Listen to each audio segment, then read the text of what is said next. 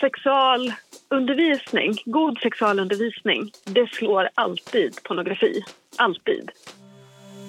Sex på arbetstid. Sex på arbetstid. Sex på arbetstid.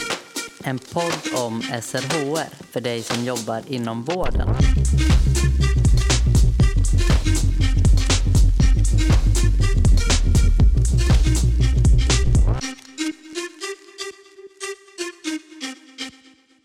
Senaste åren har vi i Sverige haft en ganska hög debatt kring porrens inverkan på barn och unga.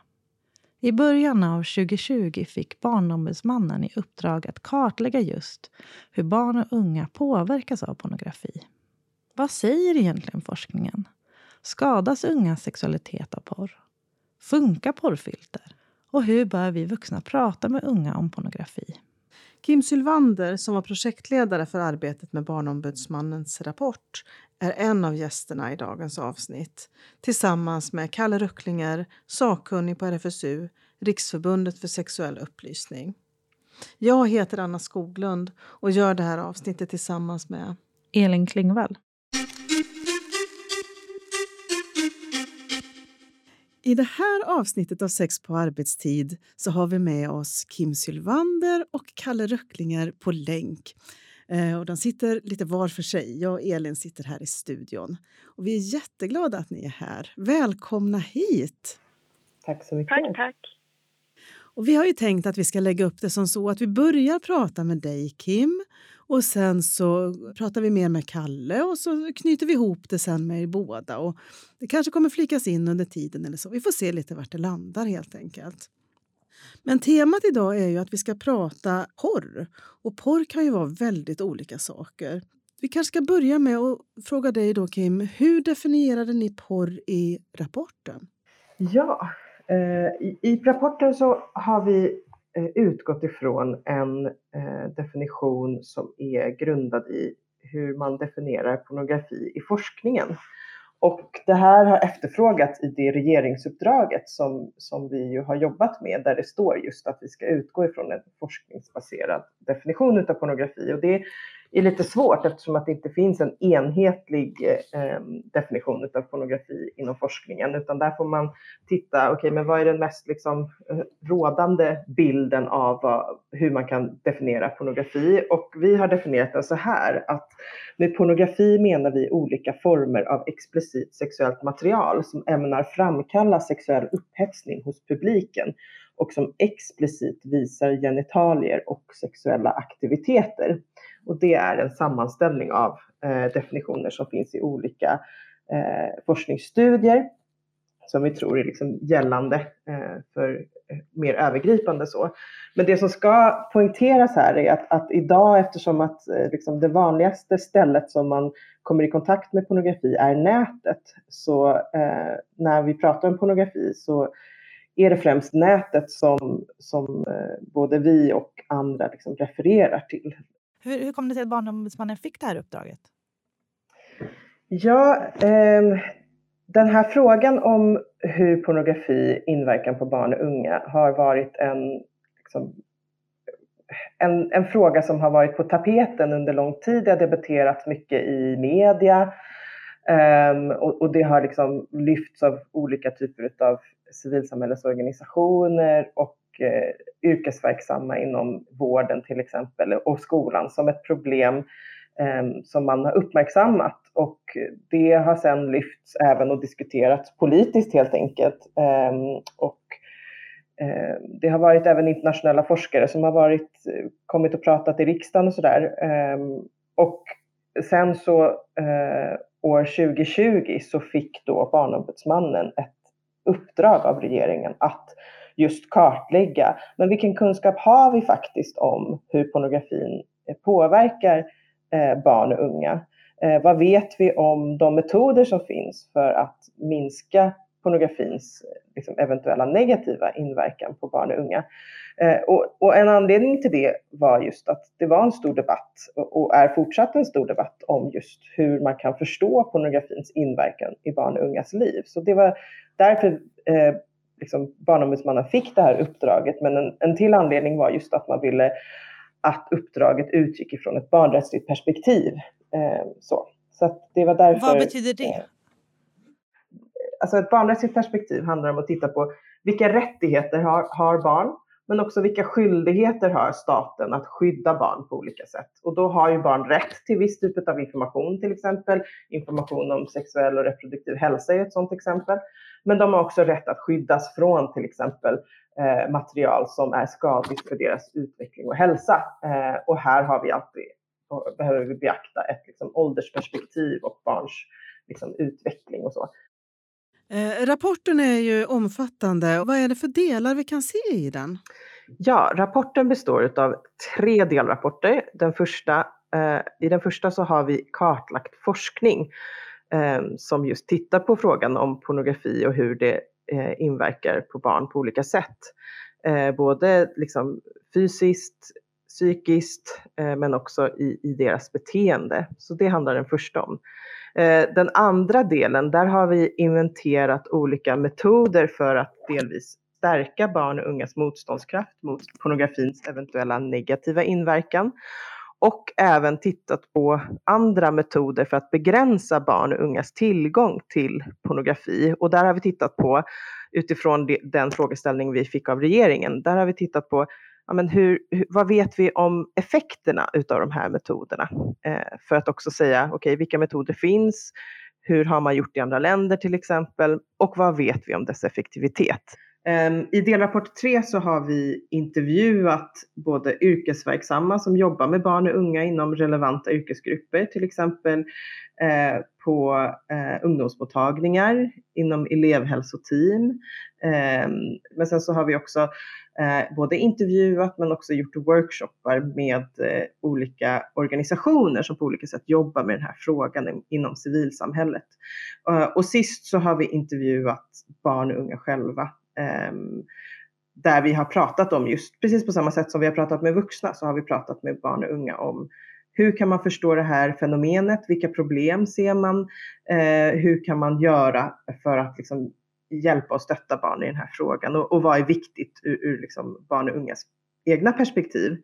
Eh, och sen på slutet av delrapport 3 så sammanfattar vi eh, en barnrättslig analys helt enkelt utifrån det, det samlade kunskapsläget som vi ser utifrån de här tre delrapporterna. Okej, och vilka resultat kan vi se i rapporten? Alltså om vi börjar med forskningsläget.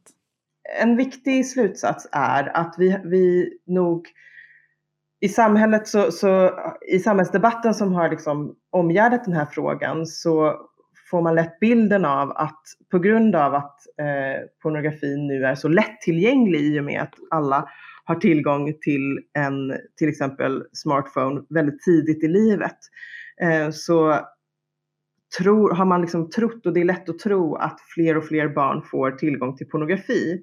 Men det man ser om man eh, tar unga sex och internet till exempel, den här återkommande studien som görs vart femte år, så det vi ser är, och, och även eh, om vi tar ungar och medier från Statens medieråd, det är att över tid, speciellt liksom de senaste 15 åren, så är det inte så att eh, bland barn och unga, liksom, den stora gruppen barn och unga, så har eh, konsumtionen ökat utan snarare gått ner eh, lite grann. Men att den gruppen, speciellt pojkar som konsumerar mycket, har ökat och den, den går inte ner. Så här har vi liksom eh, två motsatta rörelser så att säga som vi ser i resultaten som är väldigt viktiga att hålla i åtanke. Alltså det är inte så att fler och fler barn ser på pornografi, men de som gör det mycket eh, gör, gör det mer så att säga. Så att här har vi en problembild där vi kan se att det finns en viss grupp, alltså högkonsumenter bland pojkar, som ökar. Eh, och det är en viktig liksom, statistisk slutsats som, som eh, är viktig att ha koll på framöver, men också när man, när man tänker på vilka åtgärder eventuellt som behöver sättas in. Eh, stödåtgärder, vårdåtgärder eh, och så. Men vad det gäller de olika frågorna som vi har fått eh, av regeringen som, som de har önskat att vi eh, besvarar. Så om man tittar på frågan till exempel hur påverkar exponering för och konsumtion av pornografi barn och ungas hälsa och välmående? Eh, så kan man ju se till exempel att för vissa barn och unga så är pornografikonsumtion kopplat till psykisk ohälsa som depressiva symptom, ångest, stress, prestationsångest, ensamhet och nedstämdhet. Eh, och även till vissa typer av hälso riskfaktorer som att röka, dricka alkohol, ta droger, skolk och stillasittande. Eh, men det man ska komma ihåg är att de här sambanden, även om de finns och, och återkommer i, viss, i, i liksom många olika studier, så är de ofta svaga och de tenderar att vara mycket starkare för pojkar än för flickor. Och ibland så finns inte kopplingen eh, till studier till flickor alls, utan bara till, till, pojkar. Och det är också viktigt att komma ihåg att individuella och bakgrundsfaktorer spelar väldigt stor roll för just både hur pornografikonsumtionen ser ut, men också hur kopplingen mellan just pornografikonsumtion och eh, eh psykisk ohälsa, som till exempel just eh, depression och ångest, hur den ser ut. Där blir det viktigt att titta på individuella och bakgrundsfaktorer, så det ser inte liksom likadant ut över hela gruppen barn och unga så att säga. Eh, och när det kommer till hur påverkar exponering för och konsumtion av pornografi barn och ungas hälsa och välmående ur ett till exempel beroendeperspektiv så konstaterar vi i eh, forskningsöversikten att Eh, till exempel idag så har vi inte en etablerad diagnos som heter porrberoende och det kan vara viktigt att komma ihåg. Det kanske är så att i framtiden att vi får det, men just idag så finns det inte en sån diagnos i DSM-5 eller ICD-11, vilket gör att till exempel att vi i, inom vården inte behandlar för vad man kan kalla då för porrberoende, utan forskningen etablerar istället ett samband mellan frekvent pornografikonsumtion och sexuell upptagenhet. Och utifrån då det här forskningsläget så förstår vi just problematisk pornografikonsumtion, alltså en pornografikonsumtion som blir eh, ett problem och upplevs som liksom svårt och jobbigt för konsumenten själv. Den här typen av problematiska eh, konsumtion förstås bäst som ett typ av kompulsivt beteende och upptagenhet. Eh, och det som kan vara väldigt viktigt att komma ihåg här är ju att den övervägande majoriteten av barn och unga inte som konsumerar pornografi utvecklar inte de här kompulsiva tendenserna. Men för de som gör det så, eh, så liksom pekar vi ändå i, i den här forskningsöversikten på att det kan föra med sig mycket lidande och allvarliga konsekvenser i den, här, i, i liksom den drabbade personens liv. Eh, och det finns forskning som pekar på att eh, att pornografi kan ha en liknande effekt på hjärnan som till exempel olika droger eller den typen av beroendeframkallande eh, substanser. Men där har vi inte nått en konsensus inom forskningen än och där, därav heller inte en eh, porrberoende diagnos, för vi har inte liksom, eh, en etablerad patologi där. Så att just nu så arbetar man utifrån eh, att det är ett kompulsivt beteende helt enkelt.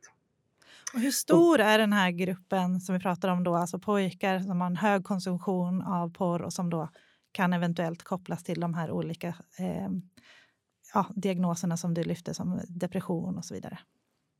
Ja, det, det som eh, är viktigt att komma ihåg när vi pratar om just den här den gruppen är, är ju att vi tittar väldigt mycket på till exempel frekvens i hur många som konsumerar eh, mycket.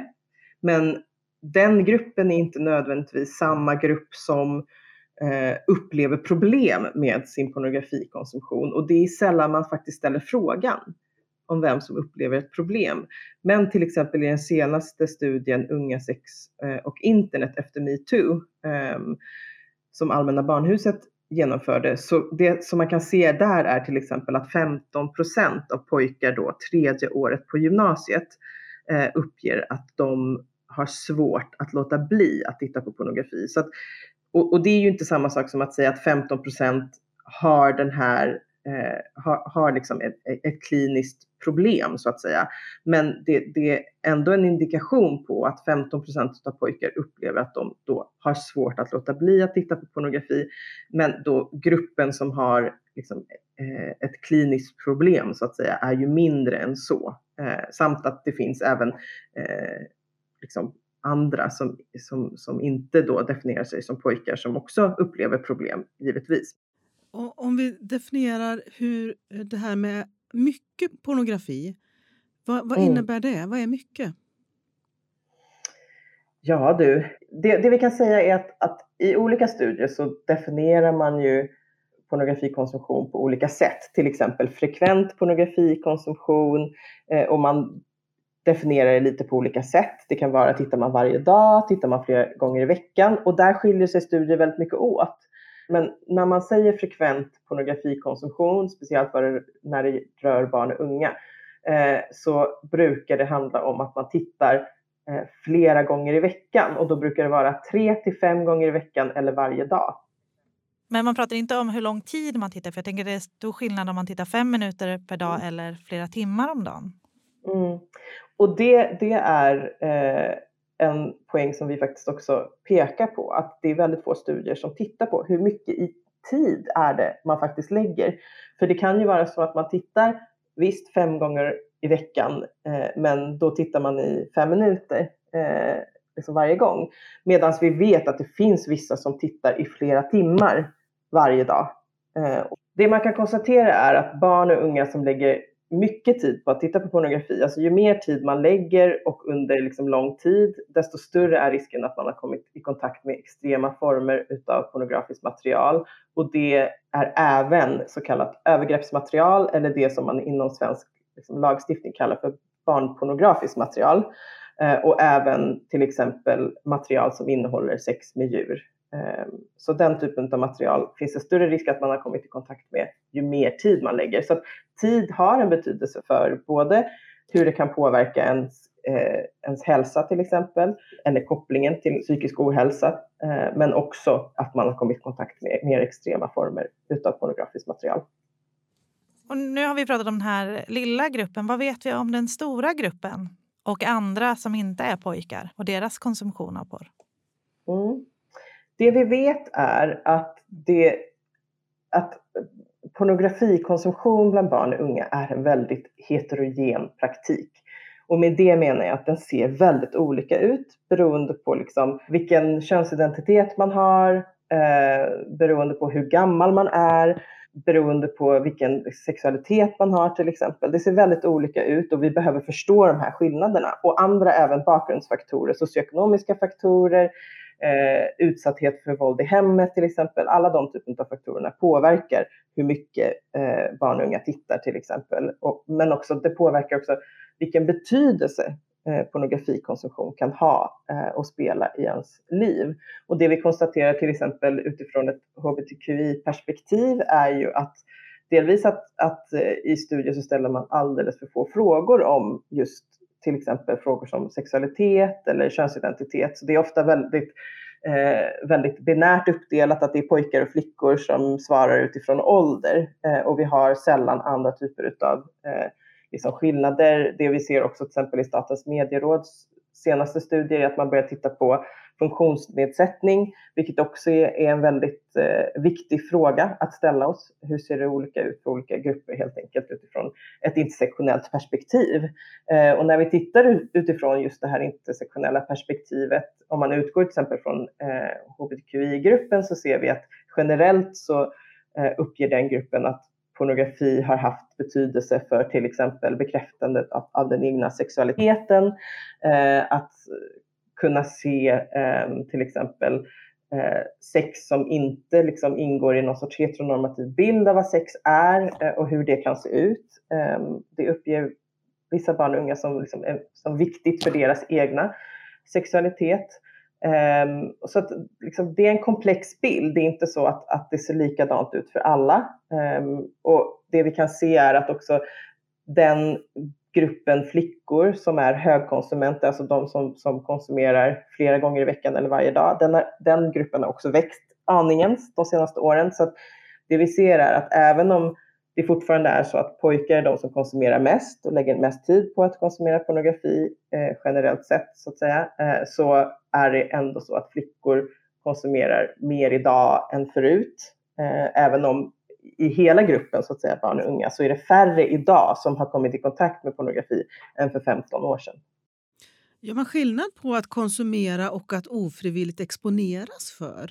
När man ställer frågor ja. kring? Ja, men det gör man. Eh, och speciellt när man liksom kommer ner i de yngre åldrarna så brukar man titta på, på det. Men det som ska sägas är ju att man, det finns väldigt få studier som har ställt den här typen av frågor eh, till barn under 13 år. Eh, och delvis är det ju för att Eh, man tycker att det är oetiskt att ställa direkta frågor om pornografi. Men det finns ju även studier såklart som har ställt frågor om till exempel om man har sett bilder på nakna människor. Det finns andra sätt att ställa den typen av frågor. Men ja, då, då ställer man ju också frågor om liksom, har, har du letat efter det eller har du ofrivilligt kommit i kontakt med det? Ehm, och det som ska sägas är att det var vanligare för kanske tio år sedan att komma i kontakt med det eh, ofrivilligt så att säga. Eh, genom att man till exempel råkade söka på någonting och så kom det upp på Google, även om det fortfarande händer. Men också pop-up-reklam var mycket vanligare och, och fungerade lite på ett annat sätt förut än vad det gör idag. Eh, och även om det är så att, att vi vet att det finns många barn och unga som kommer i kontakt med pornografi ofrivilligt, delvis att någon kanske skickar det till en fast man inte vill. Ehm, att det är del av liksom, eh, till exempel att man blir utsatt för sexuella trakasserier eh, eller annat. Men sen så är det fortfarande så att statistiskt sett så är det vanligast att barn och unga själva letar efter det. Så att det är så att säga eh, det aktiva letandet är fortfarande vanligare än, än det ofrivilliga, eh, så att säga, den ofrivilliga kontakten. Även om den är viktig och det är så att liksom, eh, ju yngre barn det rör sig om, desto så att vanligare är det att man ofrivilligt så att säga kommer i kontakt med det. Sen så i, i senare ålder, efter 13 eh, års ålder och liksom ju äldre man blir, eh, desto mer ovanligt är det att man ofrivilligt kommer i kontakt med det och vanligare att man helt enkelt aktivt letar efter det.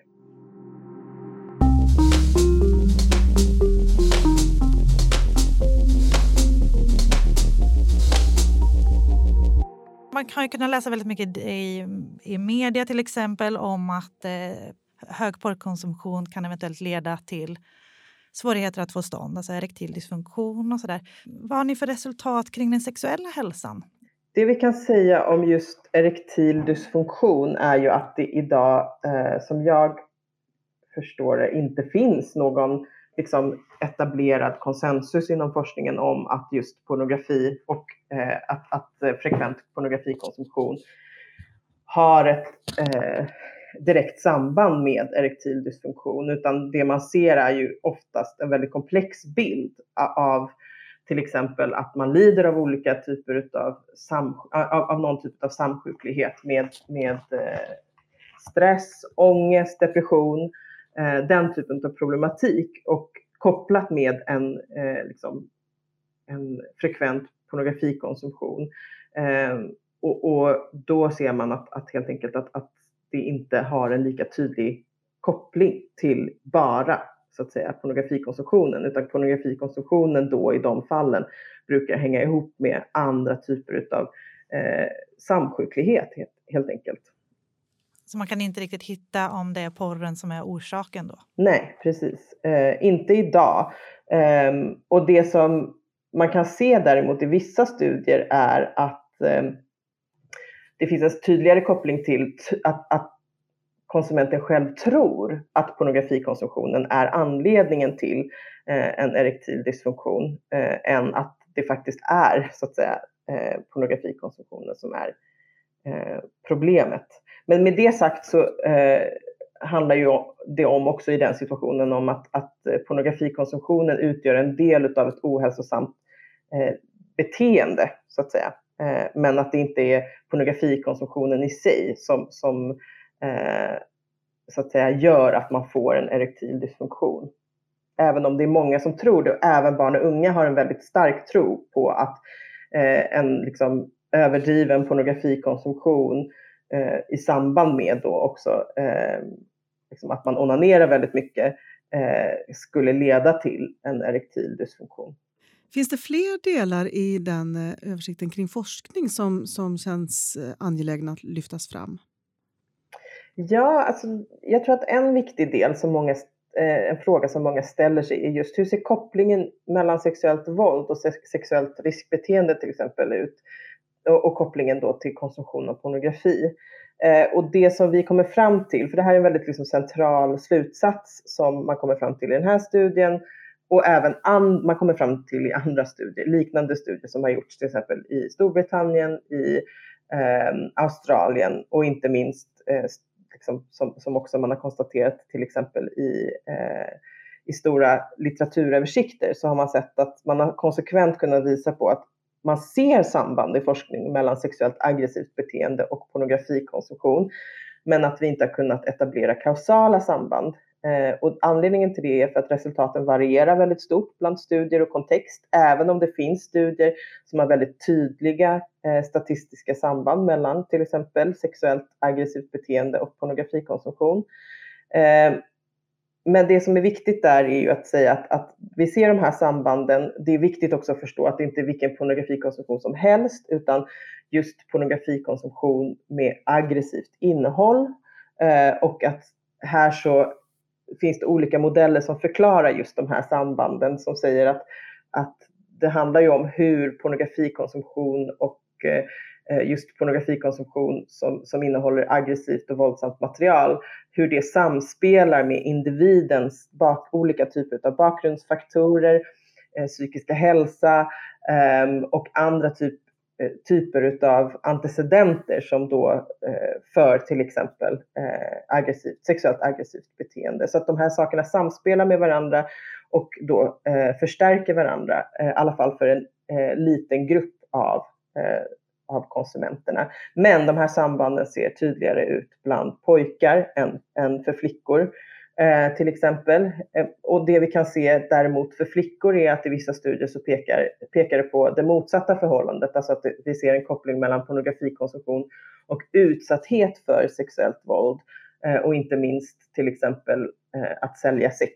Ehm, så det, det, ser väldigt olika ut beroende på vilken grupp det är.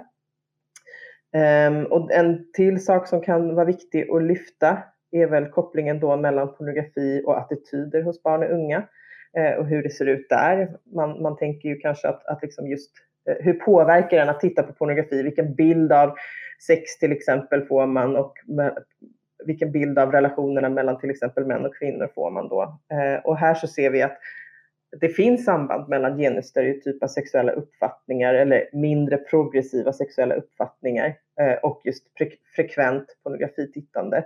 Och i olika till exempel longitudinella studier så har man även kunnat peka på att mer genusstereotypa uppfattningar har ett samband med till exempel pornografikonsumtion över tid. Eh, och det man ser till exempel också är att unga som har en hög pornografikonsumtion, alltså speciellt pojkar, har i högre utsträckning till exempel fantasier om, om, att genomföra det de sett i pornografi och uppger även i högre utsträckning än andra att de har provat något de har sett i pornografi. Men exakt vad det är, det, det är väldigt få studier som faktiskt tittar på det i detalj och hur mycket, liksom vilken koppling den har till de här eh, typen av sexuella akterna som vi i debatten till exempel har pratat mycket om, till exempel strypsex, där är det väldigt få studier som har tittat på den typen av frågor och, inte, och därmed inte kunnat besvara så att säga, de frågor vi har haft om just vilka typer av liksom, sexuella aggressiva beteenden är det i så fall man, om man lär sig, man har då lärt sig från pornografi och hur stort är det problemet så att säga bland barn och unga. Där har vi inte det statistiska underlaget för att säga att vi vet det.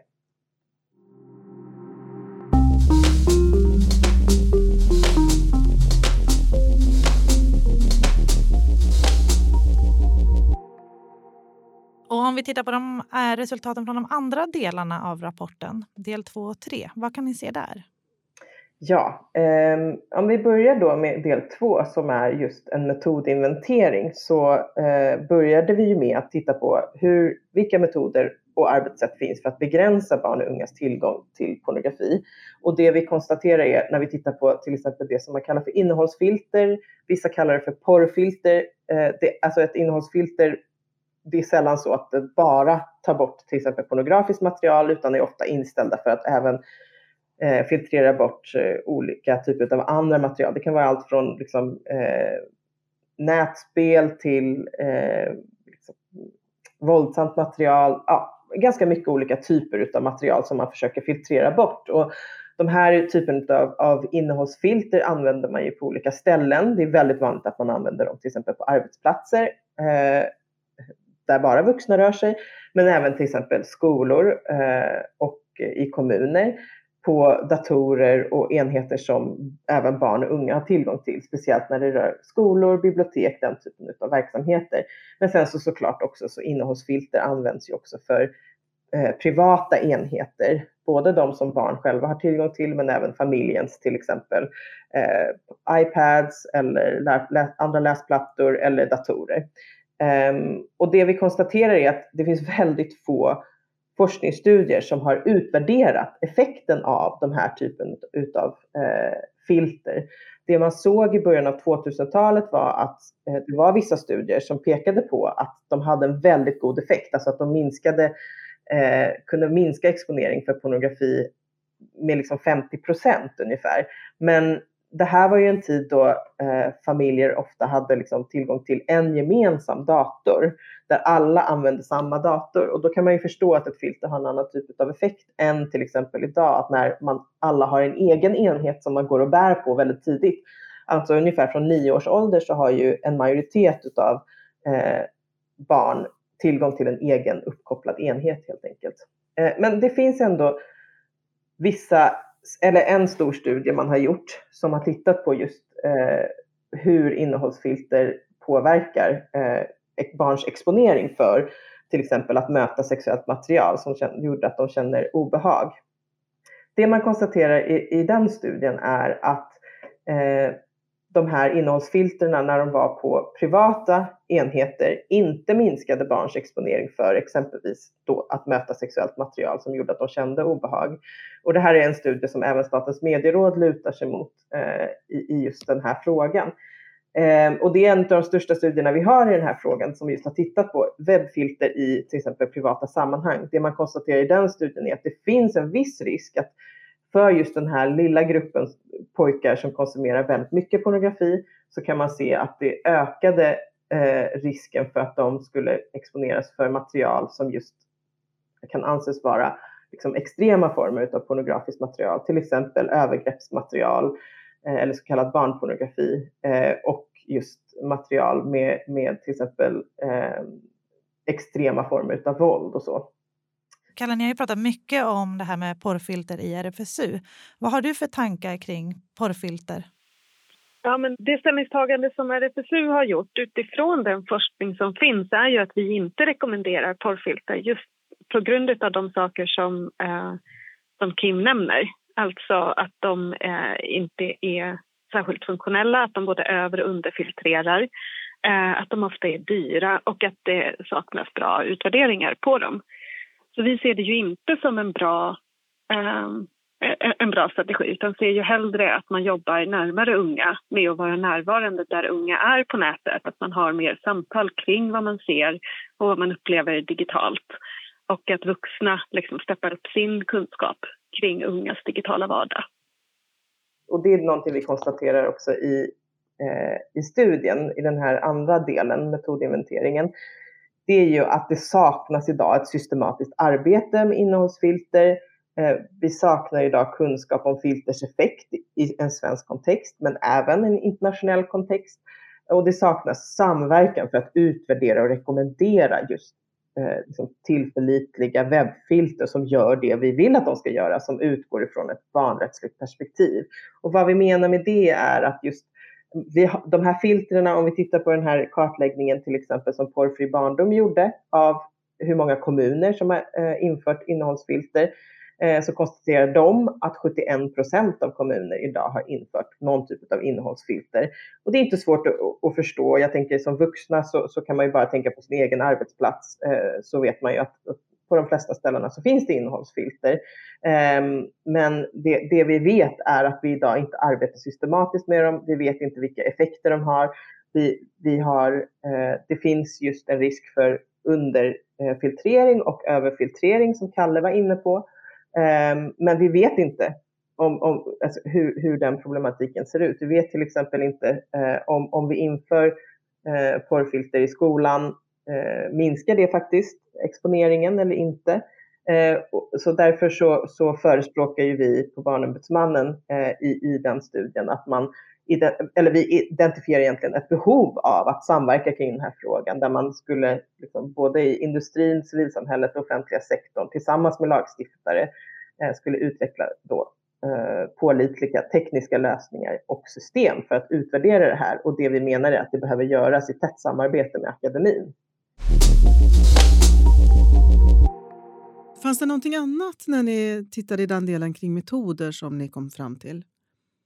Ja, det andra vi tittade på var ju det här med eh, åldersverifiering till exempel, eh, vilket identifieras av många stater och experter och organisationer som en väg fram, någonting som många helt enkelt internationellt sett tittar på för att se hur kan vi eh, Eh, hur kan vi, kan vi införa typ åldersverifiering, exempelvis i en svensk kontext via bank-id eh, på eh, pornografiska sajter?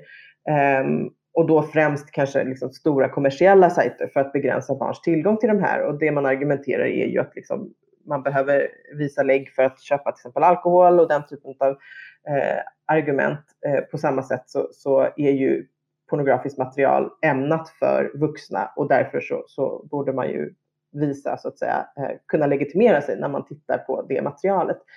Det många experter pekar på är att det finns en stor svårighet med att genomföra det här. Man har försökt genomföra eh, den typen av lagstiftning både i Storbritannien och Australien men inte riktigt lyckats utan behövt, eh, även till exempel i Storbritannien efter att man har skrivit den lagen så har man behövt ja, ta bort den för att den man inte har haft de tekniska och juridiska möjligheterna att helt enkelt införa det här. Delvis för att eh, nätet är internationellt och eh, de som är ansvariga för de här plattformarna, de sitter någon annanstans än i det egna landet, vilket gör att även om man lagstiftar i, i sitt eget land så behöver inte betyda att man nödvändigtvis kommer åt det man vill komma åt. Men också så finns det en risk att man blockerar de kommersiella sajterna där det finns mindre eh, extrema former av material och då istället får barn och unga som aktivt söker efter material istället tillgång till mera extrema former som de hittar på, eh, på andra sajter helt enkelt. Så här så har vi ett problem i att vi inte har något liksom,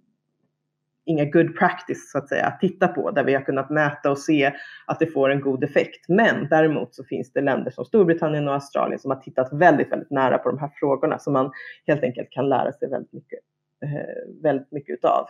Ehm, vad det gäller metoder för att stärka barn och ungas motståndskraft mot pornografins negativa inverkan eh, så kan vi konstatera att vi har i Sverige eh, ett antal Ehm, civilsamhällesorganisationer som har arbetat med att ta fram ja, men olika alltså, lektionsupplägg och olika eh, metoder och sådär för att kunna helt enkelt prata med barn och unga om pornografi på olika sätt. Vi konstaterar att de har lite olika ingångar i det. Eh, men det vi vet är ju att fr från olika studier är att ju mer eh, utbildning om pornografi, alltså kritisk utbildning om pornografi som barn och unga får i skolan, eh, till exempel genom sexualundervisningen, desto större är deras förmåga att kritiskt granska pornografi eh, och att det också får en effekt på, på vad de väljer att titta på till exempel. Så att vi vet ju att att prata om pornografi, att få möjligheten som eh, liksom barn och ungdom att faktiskt ställas frågor om det här i en trygg miljö på ett säkert sätt som är, eh, som är informerat av forskning så att säga, det, det, får en god effekt. Så att idag så har vi ju inte ett sätt att ta oss an det här utan eh, just eh, att, att många civilsamhällesorganisationer, till exempel RFSU, har ju tagit fram sätt att eh, försöka hjälpa främst skolor men även andra, liksom, eh, andra verksamheter att kunna just ta sig an de här frågorna med barn och unga. Om man tittar på den sista delen som handlar om eh, där ni har intervjuat yrkesverksamma och unga. Vad har ni, vad har ni fått fram för information där? Mm. Jo, men det som man kan säga är väl att det, eh, det vi har kommit fram till i del tre är ju, reflekterar ju ganska mycket så att säga den samhällsdebatten som har funnits och att vi också ser att det finns väldigt stora skillnader helt enkelt i delvis hur olika civilsamhällesorganisationer tar sig an den här frågan, hur stort man tycker att problemet är och på vilket sätt man tycker att problemet är stort eh, och hur man helt enkelt ska åtgärda det. Men det vi kan konstatera om vi säger liksom, vad är den gemensamma bilden bland yrkesverksamma och civilsamhällesorganisationer som jobbar med den här typen av frågorna, det är ju att, att, att prata om eh, pornografi eh, på ett tryggt sätt Eh, med barn och unga är jätteviktigt. Och det är det som barn och unga själva pekar på att de vill göra, att de tycker att det är viktigt att just få prata om pornografi eh, på ett sätt, eh, eller i ett sammanhang där det är en trygg vuxen som känner sig trygg med att prata om, om de här frågorna som inte är skambeläggande utan som eh, helt enkelt tillåter dem att, eh, att prata, ställa frågor, vara kritiska eh, och också själva få liksom prata med någon som har kunskap om den här frågan. Så det är liksom någon sorts gemensam punkt man kan se. Det, det tycker både barn och unga, eh, men även då eh, liksom yrkesverksamma och aktiva inom civilsamhället på olika sätt. Vad det gäller till exempel pornografi och våld så kan man ju konstatera att det är många civilsamhällesorganisationer som eh, just pekar på att det finns en, en stor, ett stort problem med pornografi i det att det utgör, man ser det som en liksom, stor risk för att det påverkar barn och ungas hälsa på ett negativt sätt. Alltså att det påverkar deras relationer och beteenden och sexuella uppfattningar. Och här lyfter man liksom enskilda berättelser också eh, från barn och ungas sexuella, egna sexuella erfarenheter eh, som, som just eh, för att peka på att det finns en koppling mellan att titta på pornografi och att sen utöva våld i nära relationer. Ehm, och det här är, liksom, vissa ser den här kopplingen väldigt, väldigt tydligt medan andra lyfter att, att vi måste förstå pornografin och eh, liksom, det våldet som pågår i, i ungas nära relationer som en del av liksom, ett större samhällsnorm så att säga kring just sexualitet, sexuella relationer men också maktrelationer i ungas eh, nära relationer. Ehm, det är också vissa aktörer som pekar på just en tydlig koppling mellan psykisk ohälsa och riskfyllt sexuellt beteende till exempel. Ehm, men också andra som pekar på att de här fenomenen måste förstås i just det här större sammanhanget och pornografi behöver förstås som en av många faktorer som just samspelar i barn och ungas liv. Ehm, så, så att det, det, även om alla menar på att pornografi spelar en typ av roll och man menar att, att liksom alla håller med om att pornografi förmedlar en, en, en negativ bild av vad sex, sex, är, en orealistisk bild av, av vad sex och sexualitet är som, som eh, där man behöver kunna också prata om vilken typ av bild som det just förmedlar. Vad säger personer som arbetar, yrkesverksamma som arbetar med SRHR om hur unga och ungas hälsa påverkas av pornografi? Mm.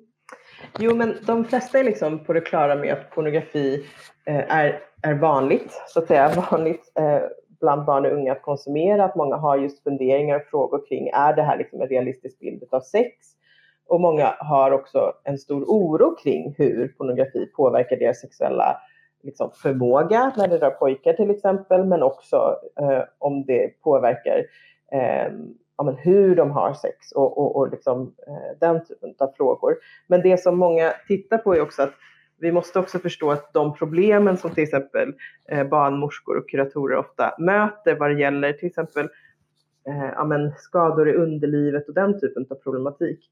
Där ser man inte till exempel en tydlig koppling till just pornografi Eh, utan där ser man att de här problemen har varit återkommande och är kopplade väldigt tydligt till en penetrationsnorm som har funnits i samhället eh, Eh, under väldigt lång tid och de problemen som liksom det för med sig helt enkelt när till exempel man har sex utan att vara eh, våt än eller den typen av problematik. Och där ser man inte den här jättetydliga kopplingen till att det är just på grund av pornografin utan att pornografin visst spelar en viss typ av roll att förstärka en penetrationsnorm, men att det inte är så att säga pornografin i sig som skapar den här typen av problem.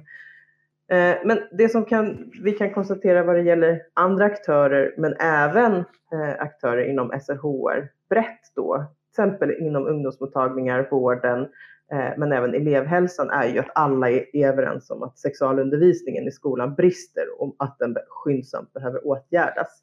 Och man kan konstatera att det finns liksom ett stort arbete som görs. Man tar in olika liksom, civilsamhällesorganisationer till exempel till för att hålla föredrag eller workshops eller så i enskilda skolor eller länsstyrelser eller eh, så. Men det man kan se är att det fortfarande saknas ett, liksom, ett större systematiskt arbete med de här frågorna och det konstaterar ju eh, Skolinspektionen och egentligen Skolverket också. Eh, och, och, vi eh, har ju gjort ändringar nu i, i läroplanen också som ska leda fram till förhoppningsvis att, det, att man stärker det här.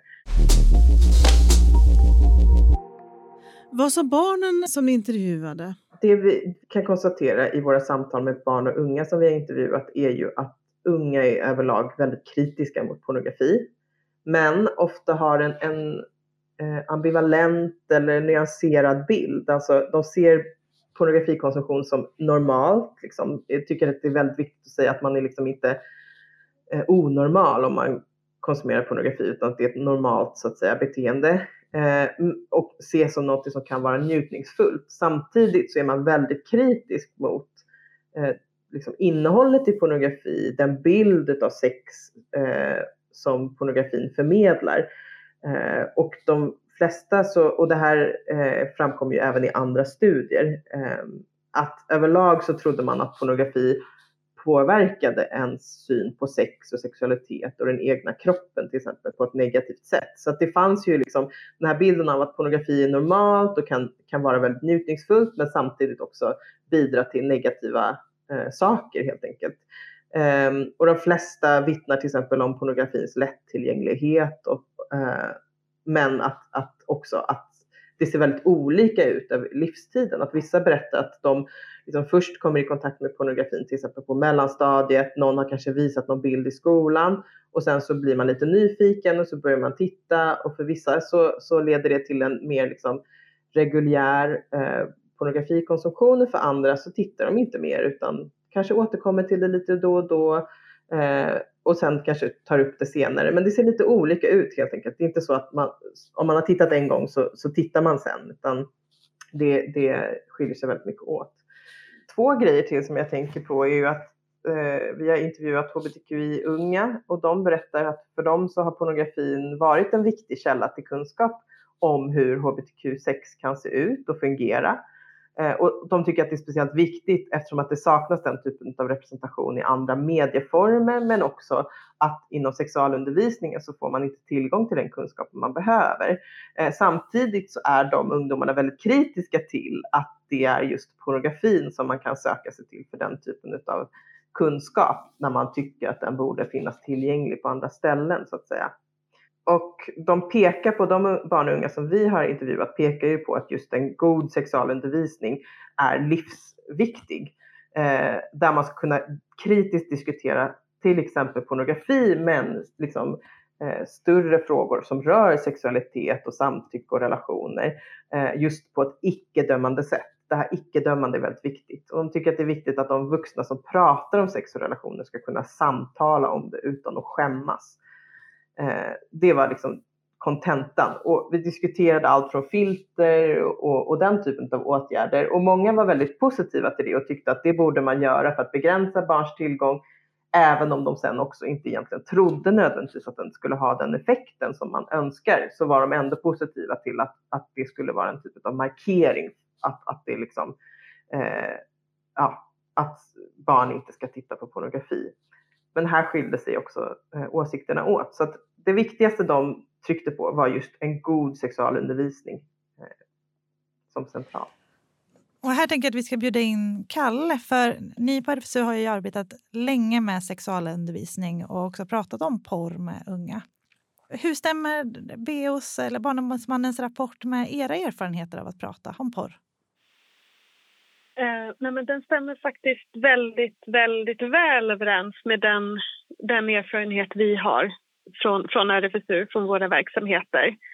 Eh, både vad gäller hur mycket porr unga faktiskt tittar på eh, men också den här kritiska hållningen som, som vi har hört om, som unga ändå har. Alltså att man förhåller sig till porren. Man, man spjärnar emot ibland och man tänker mycket både på hur Eh, hur sann bilden av sex är som man får till sig men också om produktionsvillkor och liksom etiska frågor kopplade till pornografi. Att det är väldigt levande diskussioner hos unga.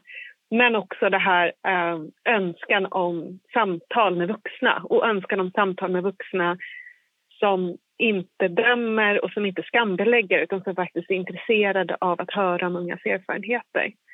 Sen måste jag också säga att efter de senaste årens samhällsdebatt så tycker ju vi på RFSU också att det är väldigt skönt att vi nu har en sån gedigen kunskapssammanställning som vi alla kan utgå ifrån när vi pratar om de här frågorna. Så att vi kan utgå ifrån samma kunskap eh, och ha den här, när vi pratar om eventuella insatser eller åtgärder som behöver göras. För tidigare så fanns det liksom ett problem om att man plockade studier lite här och varifrån och så kunde de vara...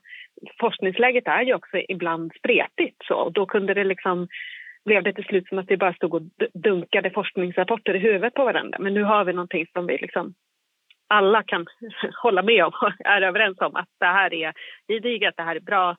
Eh, låt oss prata utifrån det här. Så det är vi jätteglada för. Ser ni att det görs, att man ser att det här är ett hjälpsamt material? Eh, jag kan inte prata för andra organisationer, men jag kan prata för mig själv och säga att jag ser en jättestor skillnad. Jag tycker att det har blivit eh, mycket lättare att träffa yrkesverksamma och prata pornografi till exempel utifrån den här. Eh, och jag tycker att jag får eh, bättre samtal, mer fördjupade samtal och att vi liksom kan lämna eh, samhällsdebatten som lite grann kan vara cirkulär och faktiskt eh, hamna där vi vill hamna, det vill säga så, men vad behöver barn och unga och hur, hur gör vi det på så sätt? Så för oss har den haft jättestor betydelse. Rapporten eh, lyfter ju den här eh, lilla gruppen av då framförallt pojkar som har en hög konsumtion av porr. Vad vet vi om den gruppen? Nej, men vi vet ju det som Kim har, har berättat nu tidigare utifrån den forskningssammanställningen. Men um, jag tänker på den här gruppen som att det är en grupp som vi kanske behöver eh, ställa fler frågor till. Att en hög porrkonsumtion också kan vara en bra indikator på att det här är en ungdom som, som jag kanske helt enkelt behöver ha lite mer, lite mer koll på. Jag behöver stämma av hur det ser ut i övrigt med kompisar, hur, det, hur hemmalivet är, om man är, sitter mycket ensam framför datorn, om man faktiskt kommer iväg till skolan. Hur ser det ut med alkoholkonsumtion eller andra droger? Så, eh, så att jag jag hoppas att vi ska se det inte bara som en riskindikator för att den här ungdomen, den här unga killen skulle utsätta någon annan utan faktiskt som en indikator på att vi behöver visa mer omsorg. Det tror jag också är ett hållbart sätt om vi ska liksom jobba Eh, primärpreventivt mot våld på sikt också. Att faktiskt gå in och, och ställa frågor och visa omsorg för killars skull, inte bara för killar som potentiella vägs, eh, våldsverkare. Och om man tänker på hälso och sjukvårdens ansvar här, behöver vi bli bättre på att ställa frågor kring porr då till unga för att också då kanske fånga upp den här gruppen och kanske hjälpa vidare? Eh, ja, men, eh, eh, på ett sätt tänker jag det. Speciellt om du jobbar med SRHR så kan det ju absolut finnas en poäng att ställa frågor om porrkonsumtionen. Dels för att stämma av ifall det är någon som upplever att de har ett problematiskt förhållningssätt till porr. Alltså ifall de upplever att de tittar på mycket mer porr än vad de faktiskt skulle vilja eller upplever att de har svårt att sluta. Men sen kan det ju också vara av vikt att eh, öppna upp det samtalet för att möjliggöra för unga också att få ställa frågor eller, ha, eller yttra oro. Så, så att vi kan fånga de här frågorna om eh, är det farligt att titta på porr varje dag om jag onanerar? Kan, är, det, är det inte farligt att onanera så mycket som jag gör? Kan jag bli beroende?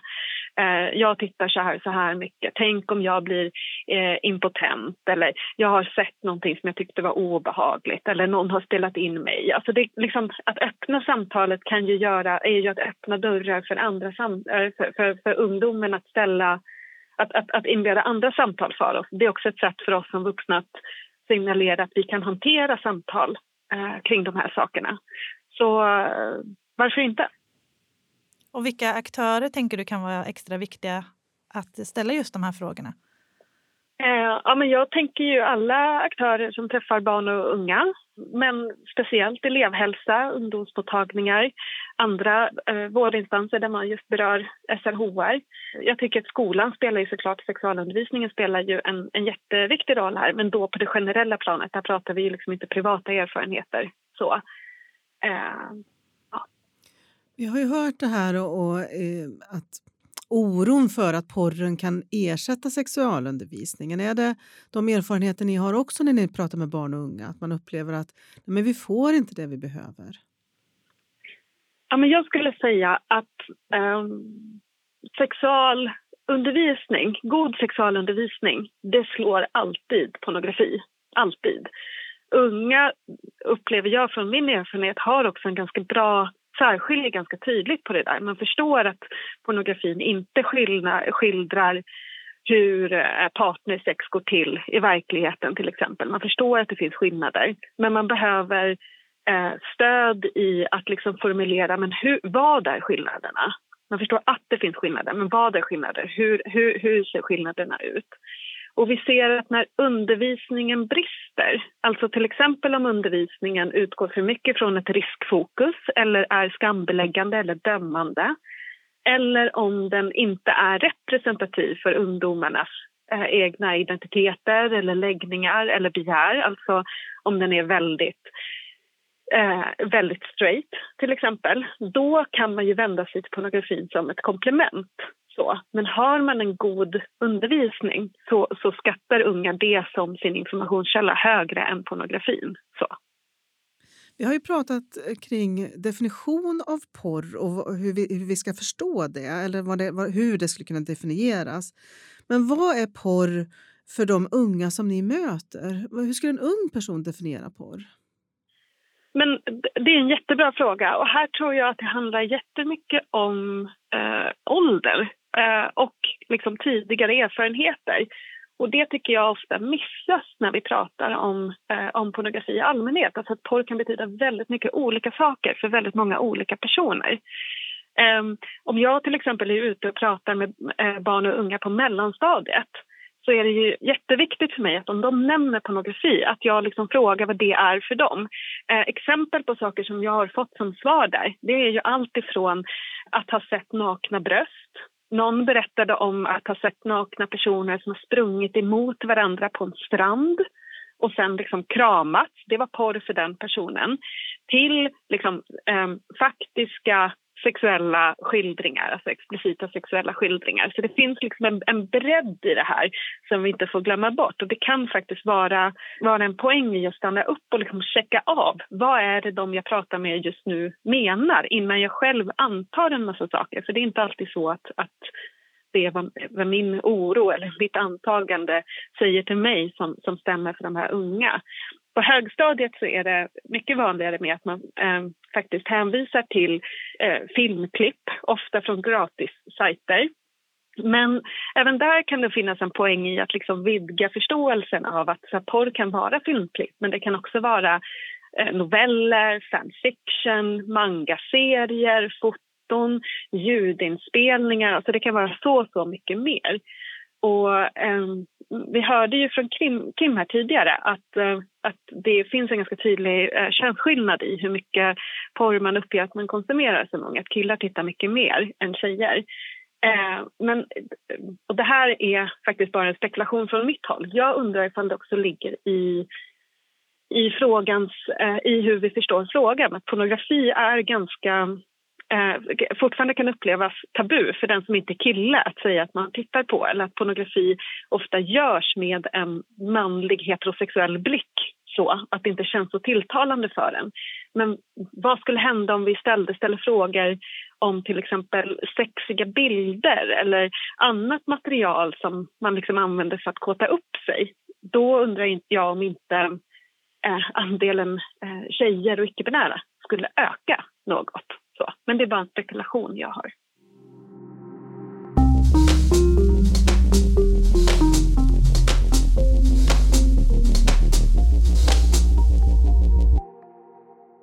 Den här eh, oron som unga har att porr är skadligt. Alltså hur ska vi kunna prata med unga om det? Um, ja, vi brukar prata om att Alltså jag tänker att det är viktigt att försöka liksom sortera ut vad det är man oroar sig för. Så. Eh, att till exempel poängtera att sådär, men vad är en erektion till exempel? Ja, men det är blodtillförsel i svällkroppar. Så porren påverkar inte den delen av liksom kåthet men däremot så kan det påverka vad du liksom har för bilder och fantasier i huvudet eller att du, vilka föreställningar du har om hur det kan se ut. Eh, det kan påverka din känsla av prestation eller vad någon annan kan förvänta sig av dig och det kan i sin tur påverka liksom, eh, din, din förmåga till stånd just där och då. Ehm, så tänker jag att man kan bryta ner det och liksom göra det förståeligt för unga också. När vi pratar om porrberoende så brukar vi också liksom eh, poängtera att det går inte... Eh, jag upplever att, att liksom oron för porrberoende mer handlar om eh, ofta kommer det från unga som eh, kanske tittar som faktiskt inte har ett problematiskt tittande utan som kanske tittar flera gånger i veckan men kanske till, till, i samband med onani och sådär, till kortare sekvenser. Eh, och att vi liksom lägger fokus på eh, så men hur upplever du den konsumtion du har, det användande av porr du har. Är det lustfyllt? Är det någonting som ger dig någonting? Eh, är det någonting som, som du tycker är härligt eller är det någonting som eh, tar tid från allt som du egentligen skulle vilja lägga på något annat, som känns tvingande, som du har svårt att sluta med när du liksom väl har börjat, som tar tid från annat som är viktigt, till exempel sömn eller att gå i skolan eller att träffa vänner och så vidare. Så att, vi liksom, att man benar lite grann i det. Och är det så att en ungdom upplever liksom de här andra problemen då kanske en bra väg in i att lägga fokus på de andra problemen. Ja, men hur blir det för dig när du... Alltså vad händer, hur, hur är det när du inte kommer iväg till skolan? Eh, hur ser liksom omgivningen ut? Har du stöd i det? Hur ser familjesituationen ut? Alltså det är liksom, ibland är det som att porren är, liksom, eh, är både boven och lösningen när kanske eh, problemet i sig är mycket mer komplext. Det handlar om eh, många olika saker. Så. Hur, vad tänker du där, Kim? Vill du lägga till något? Nej, men jag, det är väl precis som Kalle är inne på att delvis så behöver man ju utgå ifrån individen och den enskildes känslor. Eh, och det som är väldigt viktigt är att bara för att det inte finns en liksom, porrberoende diagnos så konstaterar vi ju att det fortfarande finns en grupp med människor i vårt samhälle som upplever stora problem med kopplat till sin pornografikonsumtion. Eh, och vissa upplever ju de här sakerna som till exempel erektionssvikt och, som, och, och, och den typen av problematik. Eh, och där det också då finns en koppling, tycker de själva, till sin pornografikonsumtion. Och där, när, när vi har samtalat till exempel med yrkesverksamma så eh, pekar de på att i den gruppen som söker hjälp för det så är det ofta så att delvis att de söker hjälp ganska sent. Alltså de har gått ganska länge med ett problem utan att ha fått hjälp. De tycker att det är väldigt skamfyllt och jobbigt att prata om. Ehm, så att det är ofta i liksom tidig vuxen ålder som man söker hjälp när man egentligen har haft problemet kanske under väldigt många år. Ehm, och det de, det de eller jag kan konstatera utifrån de samtalen vi just har haft med vården om den här gruppen, det är att det finns en del av den gruppen som hjälps av bara samtal. Alltså de är snabbt behjälpta av att få kontakt med vården och få samtal med kuratorer eller med, med en läkare. Bara det att man känner att någon lyssnar, man har berättat och då släpper en del av den ångesten man har haft. För vissa så hjälper det att behandla så att säga underliggande eh, kliniska problem, depression, eh, ångestproblematik, den typen av problem.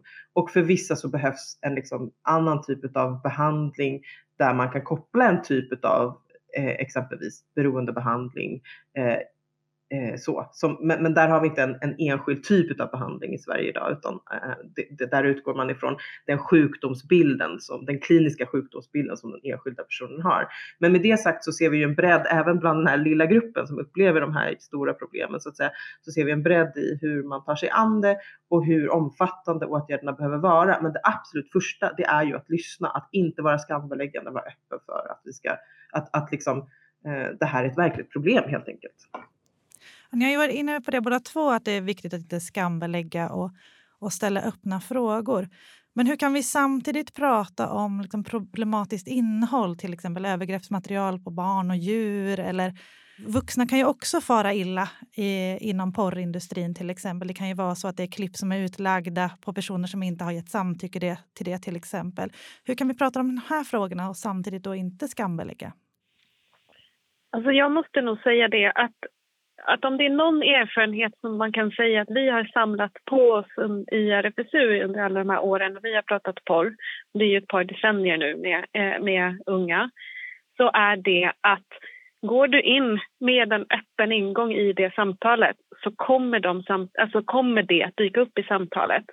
Det, det har liksom ja, men i stort sett aldrig hänt. Jag säger i stort sett därför att det kan ju ha hänt, men jag har då aldrig hört talas om det. Att en grupp har varit bara ensidigt positiv till pornografi eller liksom bara lyft hur schysst och härligt det är. Utan det kommer, det kommer liksom upp eh, både att bilden, alltså normerna som porren förmedlar ger oss skeva föreställningar om vad sex och partnersex är men också att det finns etiska problem med till exempel produktion och distribution. Det är liksom, kommer upp direkt hos unga. Man är mycket medveten och man vill hemskt gärna prata med det, om, om det idag. Den lärdom som jag tycker att vi kanske har gjort de här sista 10-15 åren det är att om jag tror att när vi kom in i klassrum för 15 år sedan då var vi nog Eh, då tror jag att vi gick in mycket mer med föreställningen om att eh, alla unga liksom inte bara hade sett porr någon gång utan faktiskt också hade typ ett aktiv, en aktiv porrkonsumtion. Eh, eh, framförallt killar, tror jag. Att vi liksom sa att ja, men vi vet att de allra flesta av er har sett pornografi och kanske kollar lite då och då. Det är helt okej. Okay, Idag så skulle jag nog formulera mig annorlunda när jag går ut i ett klassrum. Idag så skulle jag säga ja, men, eh, vi vet att de allra flesta eh, i er ålder har kommit i kontakt med pornografi någon gång. Men långt ifrån alla tittar hela tiden. Men oavsett om du eh, tittar ofta eller om du inte tittar alls så är det värdefullt att få prata om de här sakerna och man kan bidra in i samtalet. Och därför kommer vi prata om det idag. Och du är viktig här eh, oavsett vad du har för egen erfarenhet. Och sen skulle jag liksom starta samtalen och då skulle jag försöka starta samtalen ganska, normal, alltså ganska neutralt. Eh, antingen om att säga Eh, varför tittar folk på porr? Eller vi gör en associationsövning kring pornografi. Eller vad finns det för bra och dåliga grejer med pornografi? Bara genom att säga det eh, och sen låta gruppen liksom ge mig svar och sen också avgöra ifall det de säger är positivt eller negativt, eller kanske både och, så har vi, så har vi liksom öppnat upp för att kunna ha de här samtalen. Och för att det är okej att kanske känna både och samtidigt. Det kan både vara härligt och pirrigt och spännande och lustfyllt och kännas ganska eh, jobbigt och etiskt tvivelaktigt och liksom inte schysst. Och det där kan vi liksom rymma allihopa på en och samma gång.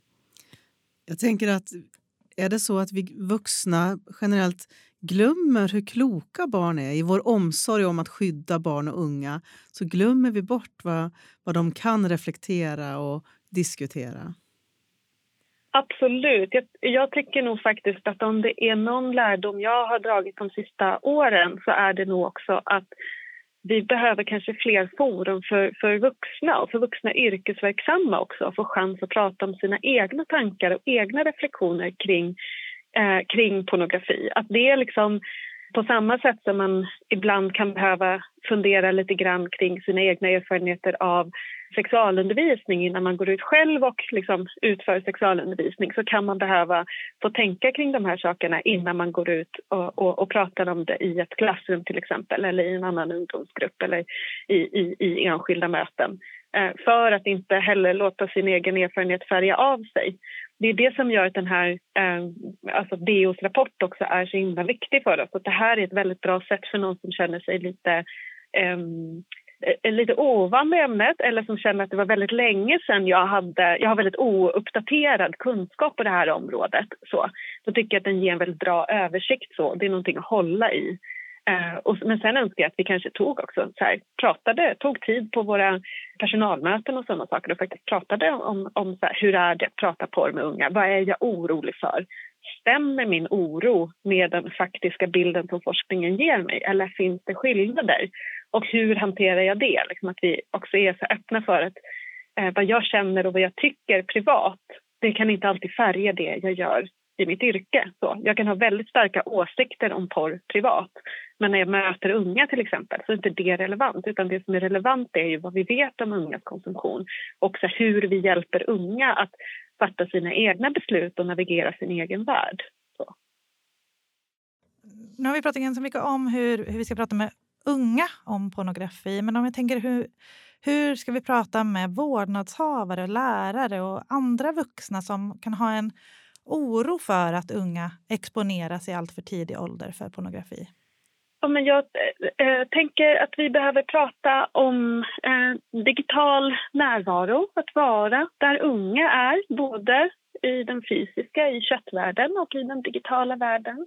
Att ha intresse för vad som händer digitalt eh, att tillhandahålla äh, sajter för information eh, och kunskap, alltså att också visa unga att här, ehm, ja, men man kan surfa runt på massa sidor, men vet att det finns något som heter UMO? Kolla här. Här kan du kolla alla dina frågor. Du får alltid komma till mig.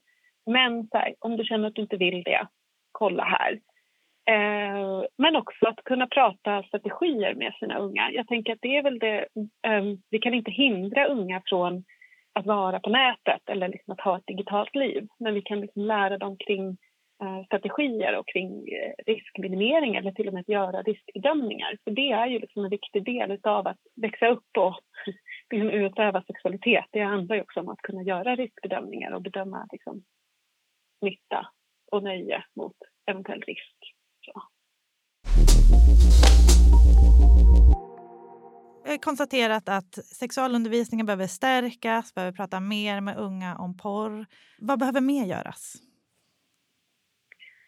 Ja, men, eh, jag tycker att vi kanske behöver eh, generellt... Alltså ett, det, vi behöver prata om pornografi specifikt men jag tycker också att eh, eh generell uppstärkning av sexualundervisningen är också ett sätt att stärka ungas eh, kritiska blick kring pornografi. Och med kritisk blick så handlar, betyder det inte alltid bara negativt utan det betyder också om att kunna fatta beslut, att kunna analysera det man ser, att kunna förhålla sig källkritiskt till olika saker. Alltså det är en liksom, stor del. Så jag tänker att det också handlar om att kanske stärka upp det mediekritiska eh, arbetet generellt i skolan. Att prata om bildanalys, att kunna läsa Eh, eh, eh, att, att kunna avgöra ifall en källa är säker, att kunna eh, se liksom, hur en historia berättas i en film till exempel. Och, men också veta hur här, film görs, vad som visas och vad som inte visas, vad som klipps bort, hur ser det ut med förberedelser.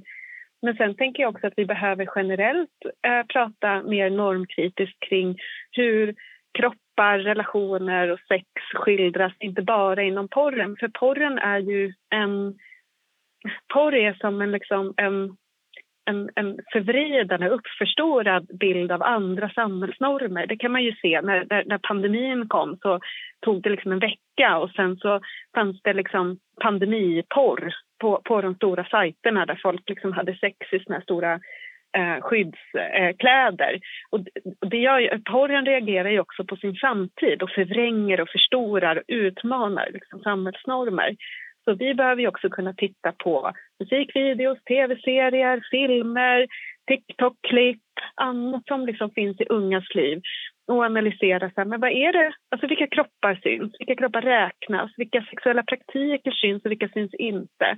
Hur beskrivs olika kön i de här, eh, i de här situationerna? Vem får vara aktiv, vem får vara passiv, vem får inte ens vara? Finns det andra ställen att hitta Eh, och hitta information? Om vi skulle göra någonting som bröt mot de här normerna, hur skulle det se ut? Alltså att utforska det där för att också stärka ungas egna förmåga att liksom förhålla sig till, till de här bilderna och liksom förhoppningsvis få ett ökat handlingsutrymme. Sen kan man ju också tycka att det är bara genom en så grundläggande kunskap, alltså att om jag förstår hur, hur, kropp, alltså hur kroppar fungerar när de är sexuellt upphetsade, som jag förstår liksom vad att, att alla kroppar kan få stånd eller att, att lust startar i huvudet och såna här saker. Eller att klitoris är jätteviktig för den som har en sån för, för sexuell stimulation, äh, stimulering. Då, då kommer jag ju ha en annan ingång och liksom få andra frågor när jag tittar på eh, pornografi som till exempel är väldigt penetrationsfokuserad. Att sådär, men, men varför är det ingen som lägger tid på att ta på någon klitoris i den här situationen om det nu är så viktigt? så att jag liksom kan välja att söka mig till en annan, till en annan slags porr eller ställa andra slags krav på den porr jag tittar på. Så att det går ju liksom eh, Alltså, många delar av sexualundervisningen spelar roll. Liksom, och Det är liksom det här tillsammans som skapar eh, en kris, ett kritiskt förhållningssätt till pornografi. Inte att vi går ut i skolor och säger att porr är dåligt, titta inte på det. Då ligger vi liksom alldeles för långt ifrån ungas verklighet och vardag. Och då blir vi inte trovärdiga som kunskapskälla.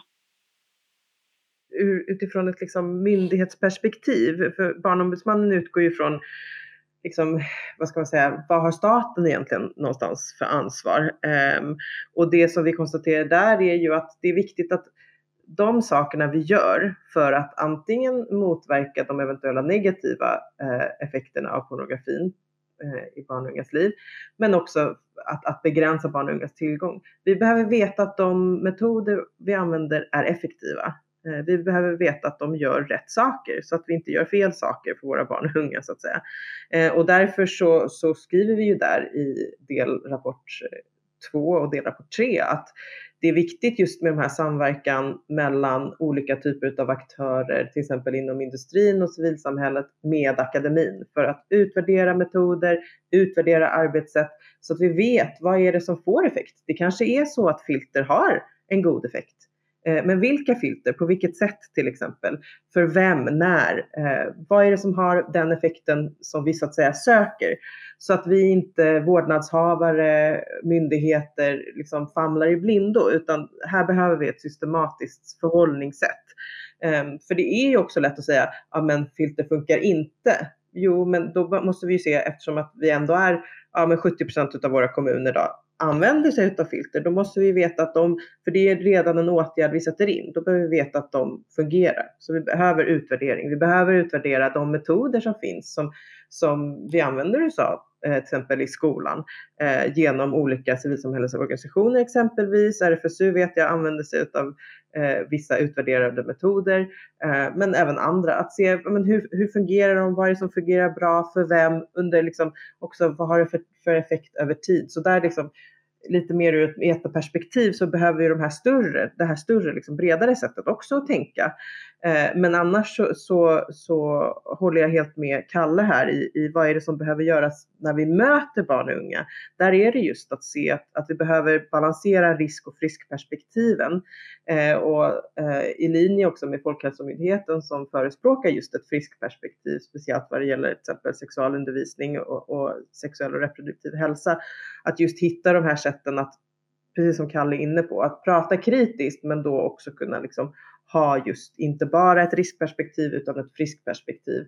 Eh, men, men där är det viktigt också att hålla i åtanke att vi möter väldigt olika grupper. Alltså, en klass till en annan, en individ till en annan kommer ha väldigt olika kunskapsnivåer, kommer ha väldigt, liksom, som Kalle var inne på, eh, erfaren, olika erfarenheter av att själv konsumera. Eh, vissa har upplevt det som väldigt obehagligt, andra som väldigt njutningsfullt. Och här behöver vi utveckla sätt, alltså didaktiska och pedagogiska förhållningssätt som gör att vi kan möta sådana grupper. Vi kan möta eh, de här typen av liksom, olika perspektiven i vardagen. Eh, och, och, här behövs ju en kunskapshöjning såklart bland lärare, eh, bland skolpersonal eh, mer generellt. Och det är, det är ju en typ av process som vi är inne på, men det kommer ta tid också för att eh, eh ut, lärarutbildningen eh, kommer behöva utveckla de här typen av verktygen och de har vi inte än idag.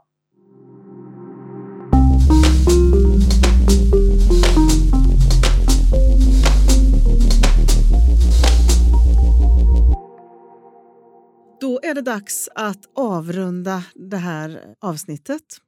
Vi avslutar ju våra avsnitt med tre tips och idag har du, Kalle, med dig tre tips.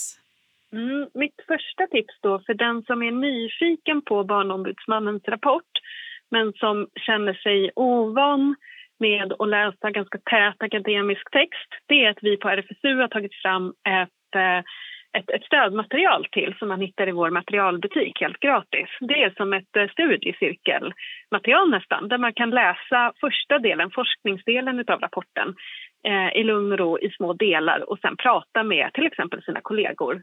Va, vad betyder det här och vad betyder det för vår verksamhet? Det är mitt första tips. Eh, mitt andra tips det är att eh, inte glömma bort eh, tid för samtal och reflektion i sexualundervisningen. Att eh, kunskap är viktigt, men det är också jätteviktigt att få prata och tänka tillsammans. Eh, och det är också det som unga längtar efter allra mest. Så eh, mer samtal. Och mitt tips nummer tre det är att du som vuxen oavsett du jobbar kanske ska ta lite tid och om det är så att pornografi kommer upp i ditt möte med eh, unga eller vuxna att ni inom kollegiet kanske ska prata lite grann om just pornografi. Hur förhåller man sig till det i det mötet? Vad kan vara jobbigt? Eh, och och så här, hur, hur gör man med sina egna känslor? Det är en bra förberedelse för att ha bra sådana möten sen med klienter eller patienter eller, eh, eller annat. Tusen tack Kim och Kalle för att ni har varit med oss idag och eh, pratat om porr och unga. Tack själva. Tack.